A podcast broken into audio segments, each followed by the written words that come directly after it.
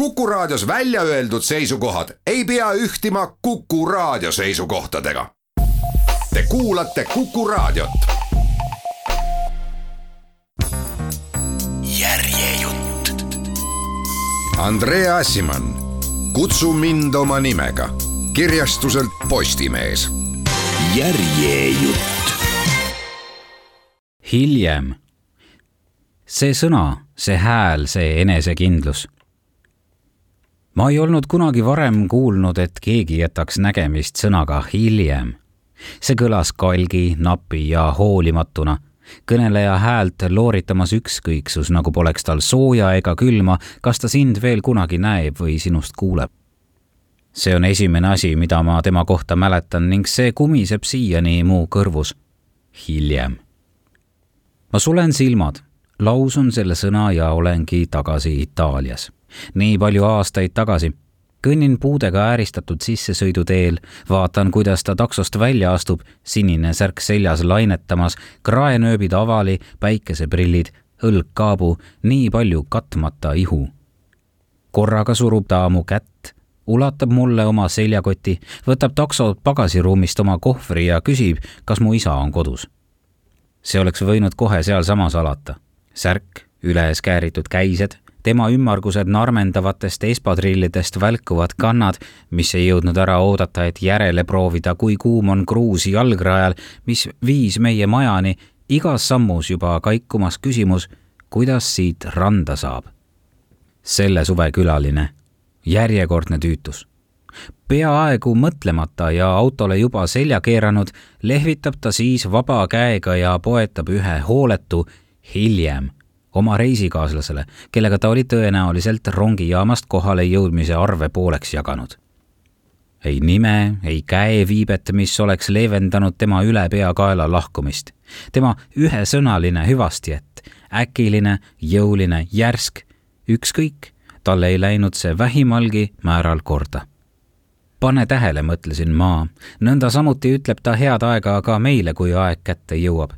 üks tahumatult, hooletult heidetud hiljem.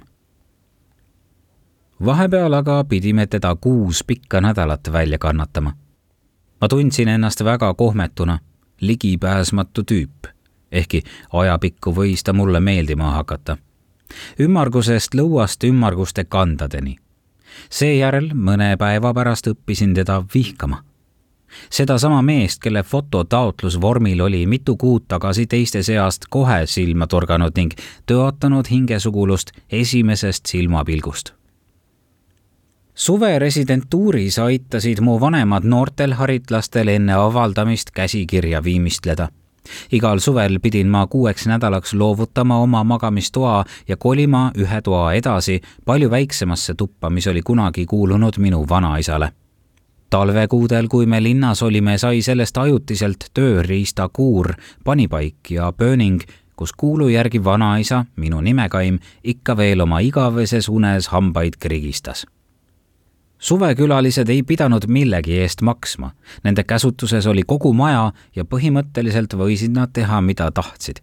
Tingimusel, et abistavad nii tunnikese päevas isa, tema kirjavahetuse ja igasuguse paberitööga Neist said pereliikmed ja viieteistkümne aastaga harjusime lakkamatu postkaartide ja kingituste vooga mitte ainult jõulude ajal, vaid aasta läbi inimestelt, kes olid nüüd meie perekonnale jäägitult pühendunud ning tegid ükskõik kui suure ringi, et parasjagu Euroopas viibides B-linnakesest läbi põigata, et veeta päeva või paar perega oma vanades valdustes nostalgiliselt ringi luusides söögilaua ääres oli sageli veel paar-kolm muud külalist, mõnikord naabrid või sugulased, mõnikord töökaaslased, arstid, advokaadid, rikkad ja kuulsad, kes teel oma suvemajadesse isa juurest läbi sõitsid mõnikord lubasime oma elutuppa ka paar turisti, kes olid vanast villast kuulnud ja tahtsid seda pisut lähemalt piiluda ning olid lummatud, kui palusime neil meiega sööma jääda ja endast rääkida. Samal ajal kui Mafalda, kellele oli teatatud viimasel minutil, jagas laiali oma hõrgutised nagu alati. isa, kes oli eraelus uje ja kinnine, armastas üle kõige, kui mõni varaküps noor haritlane, tõusev täht oma erialal hoidis korraga mitmes keeles vestlust üleval, samal ajal kui palav suvepäike ja joodud Rosatello tõid enesega vältimatult kaasa pärastlõunase rambuse. Me nimetasime seda söögiaja ajuraginaks ning mõne aja möödudes tegi seda ka enamik meie kuue nädala külalisi.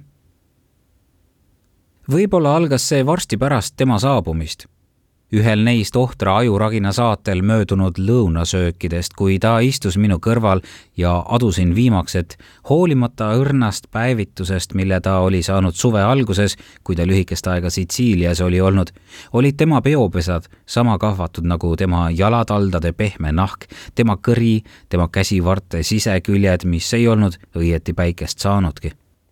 peaaegu heleroosad, pehmed ja sätendavad nagu sisaliku kõhualune varjatud, karge, kaitsetu nagu sportlase õhetavad palged või esimene koidupuna pärast tormist ööd.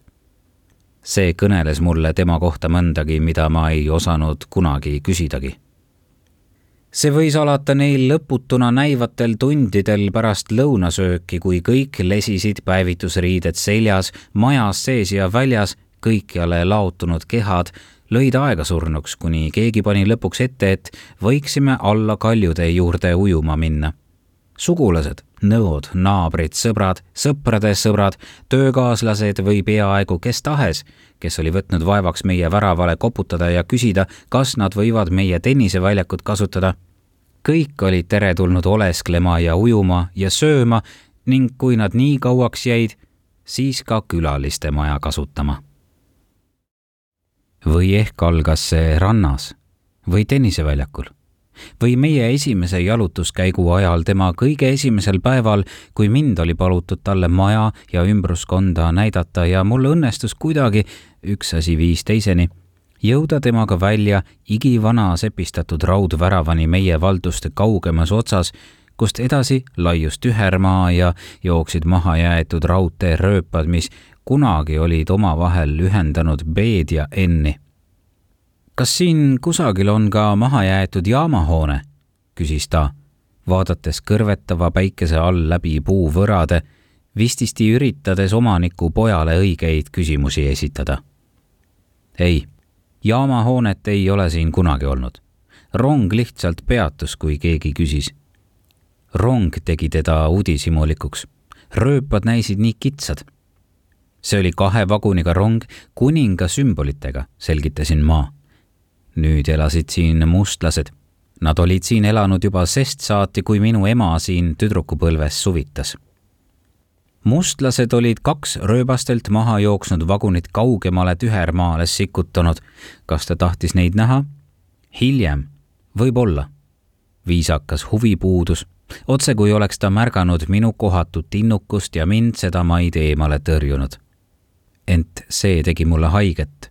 ta ütles hoopis, et tahtis mõnes B-pangas arve avada ning seejärel külastada oma Itaalia tõlkijat, kelle tema Itaalia kirjastaja talle raamatu jaoks leidnud oli.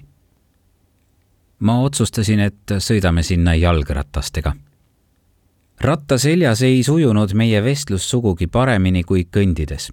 me tegime tee peal peatuse, et midagi juua võtta Parta Baceria oli täiesti pime ja tühi. omanik pesi vänge ammoniaagilahusega põrandat. me tulime õue tagasi nii kiiresti kui võimalik. must rästas laulis piini ja ladvas mõne noodi, mis mattusid kohe ritsika sirinasse. ma võtsin suurest mineraalveepudelist pika sõõmu, ulatasin pudeli talle ning seejärel jõin ise uuesti. ma valasin natuke vett peopessa hõõrusin sellega oma nägu ning tõmbasin märgade kätega läbi juuste. vesi ei olnud piisavalt külm liiga nõrga mulliga ega kustutanud õieti janu. mida siinkandis muidu tehti? mitte midagi. oodatakse, millal suvi lõpeb. mida siis talvel tehti? ma naeratasin, kui mõtlesin, kuidas talle vastan. ta sai mõttele pihta ja ütles, las ma arvan, oodatakse, millal suvi kätte jõuab, eks mulle meeldis, et ta mu mõtteid luges. õhtusöögi ajuraginat jagas ta palju kiiremini kui tema eelkäijad. talvel on siin tegelikult väga kõle ja pime. me tuleme jõulude ajal, muidu on kõik välja surnud. ja mida te jõulude ajal teete, kui te parasjagu kastaneid ei rösti või munalikööri ei joo? ta narritas mind. ma naeratasin samamoodi nagu enne. ta sai aru, ei öelnud midagi, me naersime. Ta küsis, mida mina teen. ma mängisin tennist, ujusin, käisin õhtuti väljas, käisin jooksmas, kirjutasin muusikat üles, lugesin. ta ütles, et tema käib ka jooksmas, varahommikuti. kus siin jooksmas käiakse? enamasti mööda promenaadi, ma võin talle näidata, kui ta tahab see tabas mind nagu kõrvakiil just siis, kui ta oli mulle uuesti meeldima hakanud. hiljem võib-olla. Ma olin lugemise oma loetelus viimaseks jätnud, arvates, et tema jultunud isemeelne olek, mida ta siiani demonstreerinud oli, tähendas, et lugemine tuleb ka tema jaoks viimases järjekorras. Mitu tundi hiljem, kui mulle meenus, et ta oli just kirjutanud raamatu Herakleitosest ja lugemine ei olnud tema elus arvatavasti ebaolulisel kohal, taipasin, et ma pidin tegema hea tüki teed tagasikäiku ning talle teada andma, et minu tõelised huvid ühtivad tema omadega igas viimases kui punktis. rahutuks ei muutnud mind aga see, kui palju mul oli vaja selleks vaeva näha mu hinge näris hoopis ebameeldiv aimus, et ma olin püüdnud kogu selle aja, kuigi see nii väga välja ei paistnud, kuigi ma seda ei tunnistanud, võita tema poolehoidu ja lootusetult läbi kukkunud. kui ma pakkusin välja, sest see mõte meeldis kõigile külalistele, et võiksime minna San Giacomosse ja ronida üles kellatorni tippu, mida me kutsusime hellitavalt hingematva vaate kellatorniks, oleksin pidanud olema targem ja mitu sammu ette mõtlema. ma arvasin, et võidan tema soosingu nii, et ma lihtsalt viin ta üles ja lasen tal imetleda vaadet linnale, merele, igavikule. Aga ei, hiljem. ent see võis alata ka palju hiljem, kui ma arvan, ilma et ma midagi märganudki oleks. sa näed kedagi, aga ei näe päriselt. ta on kusagil serva peal või sa märkad teda, aga midagi ei juhtu. midagi ei loksu paika ja enne kui sa ülepea aimad, et midagi on sündinud, et miski häirib sind, on sinu kuus nädalat peaaegu otsas ja ta on juba läinud või kohe-kohe lahkumas. ja sina näed kurja vaeva, et leppida millegagi, mis on sinu teadmata otse su nina all võrsunud ja mille kohta kõik märgid näitavad, et sa pead seda nimetama kui ma tahan kuidas ma siis ei teadnud, võiks küsida. ma tunnen iha ära, kui ma seda näen. Ja ometi seekord libises see minust täiesti mööda. mu pilk oli naelutatud tema salakavalale naeratusele, mis lehvis üle tema näo iga kord, kui ta oli minu mõtteid lugenud. ent tõeliselt ei tahtnud ma muud kui ihu. tema ihu tema kolmandal õhtul tajusin söögilauas, et ta jälgis mind pingsalt. Kui seletasin Haidini Kristuse seitset viimast sõna, millele olin seade teinud. ma olin tol aastal seitseteist, lauas istujatest kõige noorem, kelle puhul oli kõige vähem tõenäoline, et teda kuulatakse, nii et mul oli tekkinud harjumus sokutada võimalikult väheste sõnade sisse nii palju teavet kui vähegi võimalik. ma rääkisin kiiresti mis jättis inimestele mulje, et ma olen kogu aeg ärevil ja kõnelen pominal. Kui ma olin üleskirjutuse seletamisega lõpuni jõudnud, tajusin, et mind jälgib vasakult üks terane silmapaar. see erutas ja meelitas mind. ta oli ilmselgelt huvitatud. ma meeldisin talle ent kui ma pisut aega hiljem lõpuks end näoga tema poole pöörasin, kohtasin kalki jääkülma pilku. see oli ühtaegu vaenulik ja klaasistunud, peaaegu julm. See viis mu täiesti rööpast välja. mida ma olin teinud, et seda ära teenida? ma tahtsin, et ta oleks taas minu vastu lahke, naeraks koos minuga, nagu olime naernud alles mõni päev tagasi mahajäetud raudteerööbaste juures või tol samal pärastlõunal, kui olin talle seletanud, et B oli ainuke Itaalia linn, kust Corriera Kristuse kujutisega lähiliini buss ealeski peatumata läbi vihises. Ta oli hoobilt naerma puhkenud ning tundnud ära varjatud vihje Carlo Levi raamatule. mulle meeldis, kuidas meie mõte liikus just nagu rööpseid radu, kuidas me lennult taipasime, mis teineteisel veel meeles mõlkus, kuid mille me viimasel hetkel ometi välja ütlemata jätsime. kõrvuti tubades elamine ähvardas kujuneda keeruliseks. parem eemale hoida, mõtlesin ma. Mõelda, et ma oleksin peaaegu armunud tema ihusse, kätesse, rinda, jalgadesse, mis ei olnud eladeski puudutanud ühtegi karedat pinda, ja silmadesse, kui tema pilk, see teine, lahkem pilk, kui see juhtus sind tabama, voogas sinust üle just nagu surnust ülestõusmise ime.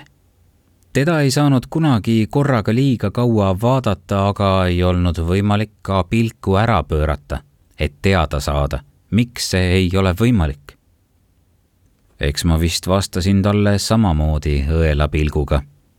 meie jutuajamised katkesid järsku kaheks päevaks. oma ühisel pikal rõdul vältisime teineteist täielikult. ühmasime kuidagi tere, tere hommikust, ilus ilm, tühjad sõnakõlksud. seejärel vähimagi selgituseta hakkasime jälle rääkima. Kas ma tahaksin täna hommikul jooksma minna? ei mitte eriti. Lähme siis ujuma. see, kes ma praegu olen, valu, pealispinna all pulbitsevad tunded, uue tutvuse erutus, lubadus lõputust õndsusest, mis hõljub peaaegu käe ulatuses, kohmetus nende läheduses, keda ma võin vääriti mõista ja keda ma ei taha kaotada ning kõhklused igal sammul, meeleheitlik kavalus, mille mängu panen, kui kedagi ihaldan või janunen selle järele, et nemad tahaksid mind. vaheseinad, mida ma ehitan enese ja maailma vahele, mitte ainult üks, vaid kihtide kaupa riisipaberist liukuksi. tung šifreerida ja dešifreerida midagi, mis ei ole õigupoolest kodeeritud olnudki, see kõik sai alguse tol suvel, kui Oliver tuli meie majja see on söövitatud iga selle suve hittlaulu sisse iga romaani sisse, mida lugesin, kui ta meie juures oli, või pärast seda ükskõik mille sisse, alates rosmariinilõhnast palaval päeval ritsikate kõrvulukustava siristamiseni. kõik need lõhnad ja helid, millega olin koos üles kasvanud ja mis olid mind saatnud aastast aastasse kogu mu elu kuni selle hetkeni, olid nüüd ühtäkki muutunud minu vaenlasteks ja olid alatiseks maalitud selle suve värvidega või algas see ehk pärast tema esimest nädalat, kui pööraseks joovastuseks avastasin, et ta mäletas, kes ma selline olen, et ta ei vältinud mind ning võisin lubada endale luksust mööduda temast teel aeda, ilma et oleksin pidanud teesklema, nagu ei märkakski teda. Esimesel varahommikul käisime jooksmas kuni B-ni välja ja tagasi. järgmisel varahommikul läksime ujuma. seejärel päev hiljem jooksime jälle. mulle meeldis spurtida mööda piimaautost, kui see ei olnud oma hommikuse ringiga veel kaugeltki lõpule jõudnud, või kihutada mööda toidupoest ja pagariärist, kus parasjagu hakati uksi avama. Mulle meeldis joosta veepiiril ja promenaadil, kus ei olnud veel hingelistki ning meie maja terendas miraažina kusagil väga kaugel. mulle meeldis, kui meie jalad olid ühel joonel, minu vasak ja tema vasak ning puudutasid samal ajal maad, vajutades märja liiva sisse jäljed, mille juurde tahtsin tagasi tulla ja salamisi panna oma jala sinna, kuhu oli jälje jätnud tema oma. Niimoodi vaheldumisi jooksmine ja ujumine oli olnud tema rutiin ülikooli ajal. kas ta käis jooksmas ka sabati ajal, naljatlesin. ta treenis alati, isegi kui ta oli haige. ta treeniks ka voodis, kui väga vaja isegi kui ta oli eelmisel õhtul kellegi uuega maganud, läks ta järgmisel varahommikul ikkagi jooksma. ta polnud trenni teinud vaid siis, kui tal oli operatsioon olnud. kui küsisin, mis operatsioon, kargas vastus, mille kohta olin tõotanud, et ma seda enam iialgi esile ei kutsu, mulle vastu nagu jonnipunn, suunurgas tukslemas kurja kuulutav muie. hiljem võib-olla oli ta juba võhmalega tahtnud eriti rääkida või tahtis lihtsalt ujumisele või jooksmisele keskenduda. või oli see ehk tema viis mindki sama tegema kannustada. millega ta ei mõelnud midagi halba. Ent ometi oli kuidagi kõle ja heidutav, kui me aeg-ajalt kõige ootamatumal hetkel korraga teineteisest nii kaugele jäime. ta oleks seda nagu peaaegu meelega teinud, uinutanud mõne lahkema sõnaga minu valvsuse et siis jälle vaipalt ära tõmmata, nagu ei saaks meie vahel mingisugusest sõprusest juttugi olla. tema läbitungimatu pilk tuli alati tagasi. Ühel päeval, kui tagaaias basseini lähedal sel suvel oma laua ääres kitarri harjutasin ja tema lebas sealsamas lähedal murul, tundsin selle pilgu kohe ära ta oli mind pikalt vaadelnud, samal ajal kui mina olin süvenenud sõrmlauda ning kui korraga tema poole vaatasin, et näha, kas talle mu mängitu meeldis, oli see pilk kohal. lõikav, julm nagu veiklev noatera, mis kohe kaob, kui ohver seda märkab. Tema loid naeratus oleks nagu tahtnud öelda, nüüd pole seda enam mingit mõtet varjata. hoia temast eemale ta vist märkas, et ma olin löödud ning ta üritas asja siluda ja hakkas mulle kitarri kohta küsimusi esitama. ma olin liiga valvas, et siiralt vastata. ent kui ta kuulis, kuidas ma talle vastata puterdan, tekkis tal kahtlus, et miski häirib mind rohkem, kui välja näitan. sa ei pea seletama, lihtsalt mängi sedasama uuesti. Aga ma arvasin, et sa vihkad seda. vihkan? kust sa seda võtad? me vaidlesime. lihtsalt mängi, eks sama, sama. ma tõusin püsti ja läksin elutuppa, jättes klaasuksed lahti, et ta kuuleks minu klaverimängu. ta tuli mulle poolele maale järele ja nõjatus vastu puust aknaraami ning kuulas natuke aega. sa muutsid seda, see ei ole seesama. mida sa sellega tegid? Ma lihtsalt mängisin nii, nagu List oleks mänginud, kui ta oleks selle loo kallal pisut nokitsenud. lihtsalt mängi sama lugu uuesti, palun mulle meeldis, kuidas ta teeskles, nagu oleks ta meelt heitmas, nii et alustasin otsast peale. natukese aja pärast. uskumatu, sa mängisid jälle teistmoodi.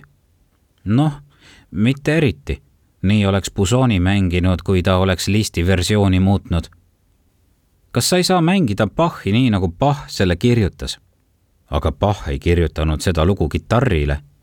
võimalik, et isegi mitte klavessiinile tegelikult ei ole me ka lõpuni kindlad, et see on üldse Bachi kirjutatud. unusta ära. hea küll, hea küll, ei maksa selle pärast nii endast välja minna, ütlesin. nüüd oli minu kord teeselda tõrksat vastutulelikkust. ma mängin nüüd nii, nagu mina Bachi üles kirjutasin, ilma listi ja pusoonita. See on Bach väga noorena ja ta pühendas selle oma vennale ma teadsin täpselt, milline fraas oli teda esimesel korral rahutuks ajanud ning iga kord saatsin selle tema poole teele nagu väikese kingituse, sest tegelikult pühendasin selle talle. see andis märku millestki väga kaunist minu hinges. ei olnud vaja olla geenius, et ära mõistatada, mis see oli ja see sundis mind lisama veel ühe kadentsi ainult tema jaoks.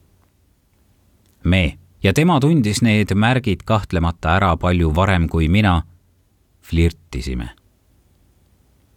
hiljem samal päeval kirjutasin päevikusse.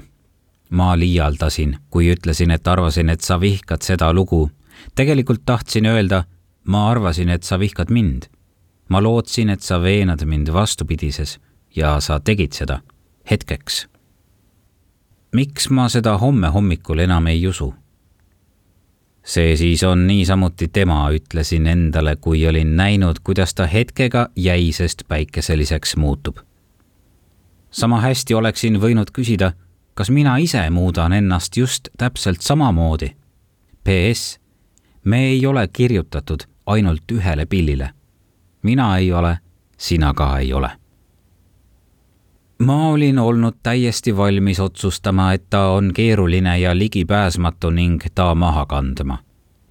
kaks sõna tema suust ja ma nägin, kuidas minu mossis osavõtmatuse asemele tekkis ma mängin sulle ükskõik mida, kuni ütled, et lõpetaksin, kuni jõuab kätte lõunaaeg, kuni nahk minu sõrmedelt kiht-kihi haaval maha koorub, sest mulle meeldib teha sinu heaks asju. Teen sinu heaks ükskõik mida, lihtsalt ütle sa oled mulle esimesest päevast peale meeldinud. ja isegi kui sa minu uute sõbrustamiskatsete peale taas jäiseks muutud, ei unusta ma mitte kunagi, et see vestlus meie vahel aset leidis ja et vahel on väga lihtne lumetormis suvi tagasi tuua. ma unustasin aga oma lubadust andes selle pisiasja, et jää ja osavõtmatus võivad hetkega muuta tühiseks kõik päikeselisematel aegadel sõlmitud lepped ja vaherahud. siis jõudis kätte see juulikuu pühapäeva pärastlõuna, kui meie maja oli korraga tühi ja seal ei olnud kedagi muud peale meie ning minu sisemuses lõõmas tulekahju, sest tuli oli esimene ja kõige lihtsam sõna, mis mulle hiljem õhtul meelde turgatas, kui üritasin oma päevikus selgusele jõuda, mis siis õieti juhtunud oli ma olin oma voodis oodanud lõpmata kaua, hirmul, ootuse ärevil, otsekui transis see ei olnud kirglik tuli, mis hävitaks kõik oma teel, vaid midagi halvavat nagu kobarpommidest paiskuvad leegid, mis imevad endasse kogu ümbritseva hapniku ja jätavad sind õhku ahmima, sest oled saanud hoobi kõhtu ja vaakum on rebinud lõhki viimsegi koe sinu kopsus ja kuivatanud suu ja sa loodad, et keegi ei kõnele, sest sa ei saa rääkida ja palvetad, et keegi ei paluks sul liigutada, sest su süda on ummistunud ja taob nõnda kiiresti, et ennem sülgaks see välja klaasikilde, kui lubaks veel millelgi voolata läbi oma kitsaste kodade. tuli kui õud kui kabuhirm nagu veel üks minut ja ma suren, kui ta mu uksele ei koputa. aga pigem tahaksin, et ta ei koputakski üldse kunagi, kui et ta teeks seda praegu ma olin hakanud oma rõdu ust paokili jätma ning lebasin voodil, jalas ainult ujumispüksid, terve keha tuleleekides. tuli nagu hingepitsitus. palun, palun, ütle mulle, et mul ei ole õigus. ütle, et ma kujutan seda kõike ette, sest sa ei saa tunda samamoodi ja kui tunnedki sama, mida mina, siis oled sa kõige julmem inimene maailmas. tol pärastlõunal astus ta viimaks mu tuppa, otse kui oleksid mu palvet ta kohale kutsunud ja küsis, miks ma koos teistega rannas ei ole. ning mina suutsin mõelda vaid üht, ehkki ma ei suutnud seda välja öelda, et koos sinuga olla. et olla sinuga, Oliver, oma ujumispükstes või ilma nendeta. olla sinuga oma voodis, sinu voodis, mis ülejäänud kuud aastast on minu voodi. tee minuga, mida sa tahad võta mind, lihtsalt küsi, kas ma tahan ja oota ära, mida ma vastan, ainult ära lase mul öelda ei.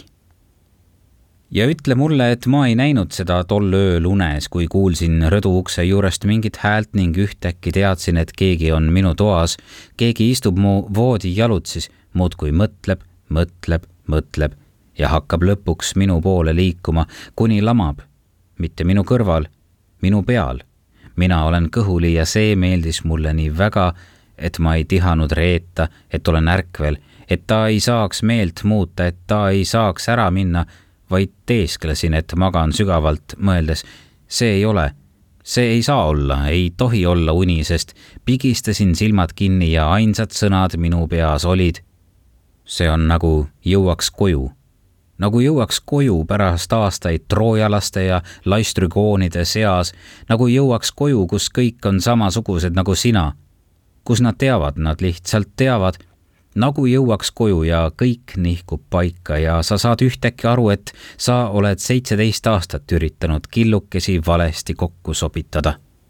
sel hetkel otsustasin, oimugi, ainsamatki lihast liigutamata sulle teada anda, et kui sa tahad siis ma alistun. et olin ammugi alistunud, et olin sinu, üleni sinu, ainult et ühel hetkel olid sa kadunud ja kuigi see tundus liiga tõeline, et olla uni, ei tahtnud ma sellest päevast alates muud, kui et sa teeksid minuga täpselt sedasama, mida sa olid teinud minu unenäos järgmisel päeval mängisime baaris tennist ja puhkepausi ajal, kui Mafalda tehtud limonaadi jõime, pani ta oma käe ümber minu ning vajutas õrnalt oma sõrmed minu õla sisse, nagu tahaks mind kallistada või masseerida. see kõik oli väga kambajõmlik. ent nagu nõiutud, vingerdasin tema puudutusest vabaks, sest hetk veel ja oleksin vajunud kokku nagu marionettnukk, kelle kipakate jalgadega keha variseb maha sedamaid, kui keegi puudutab peavedrut. ta kohkus sellest ära, vabandas ja küsis, kas ta oli närvi pihta või midagi läinud. ta ei olnud tahtnud mulle haiget teha ta oleks vist tahtnud häbi pärast maa alla vajuda, kui ta juhtumisi kahtlustas, et tegi mulle haiget või tema puudutus oli kuidagi ebasünnis. kõige vähem tahtsin teda heidutada.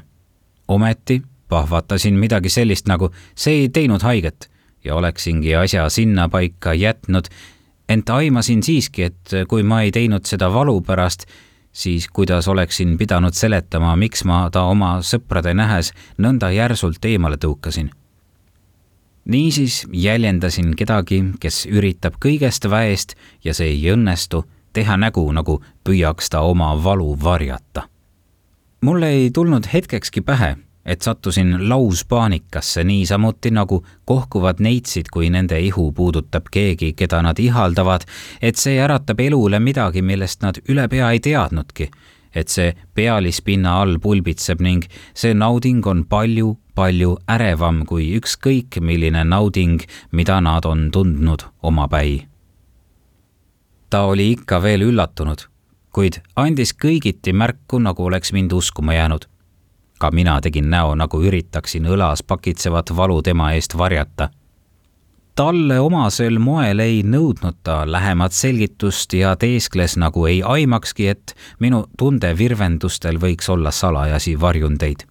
teades, nagu mulle hiljem selgeks sai, missuguse kirurgilise täpsusega ta vastuolulisi märke lahkab, olin täiesti veendunud, et midagi ta juba kahtlustas.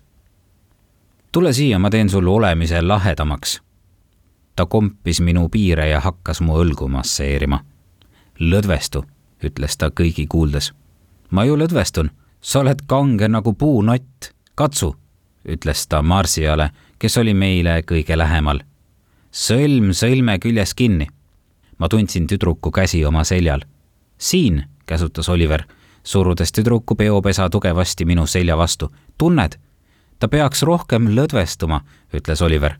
sa peaksid rohkem lõdvestuma, kordas tüdruk võib-olla oli sellega nagu kõige muuga, et ma ei osanud kõnelda salakeeles, ei osanud üle pea kõnelda. ma tundsin ennast nagu Kurt Tumm, kes ei oska isegi viipekeelt. ma patrasin maad ja ilmad kokku, et ei peaks ütlema, mida mõtlen. see oli minu salakeele mõõt.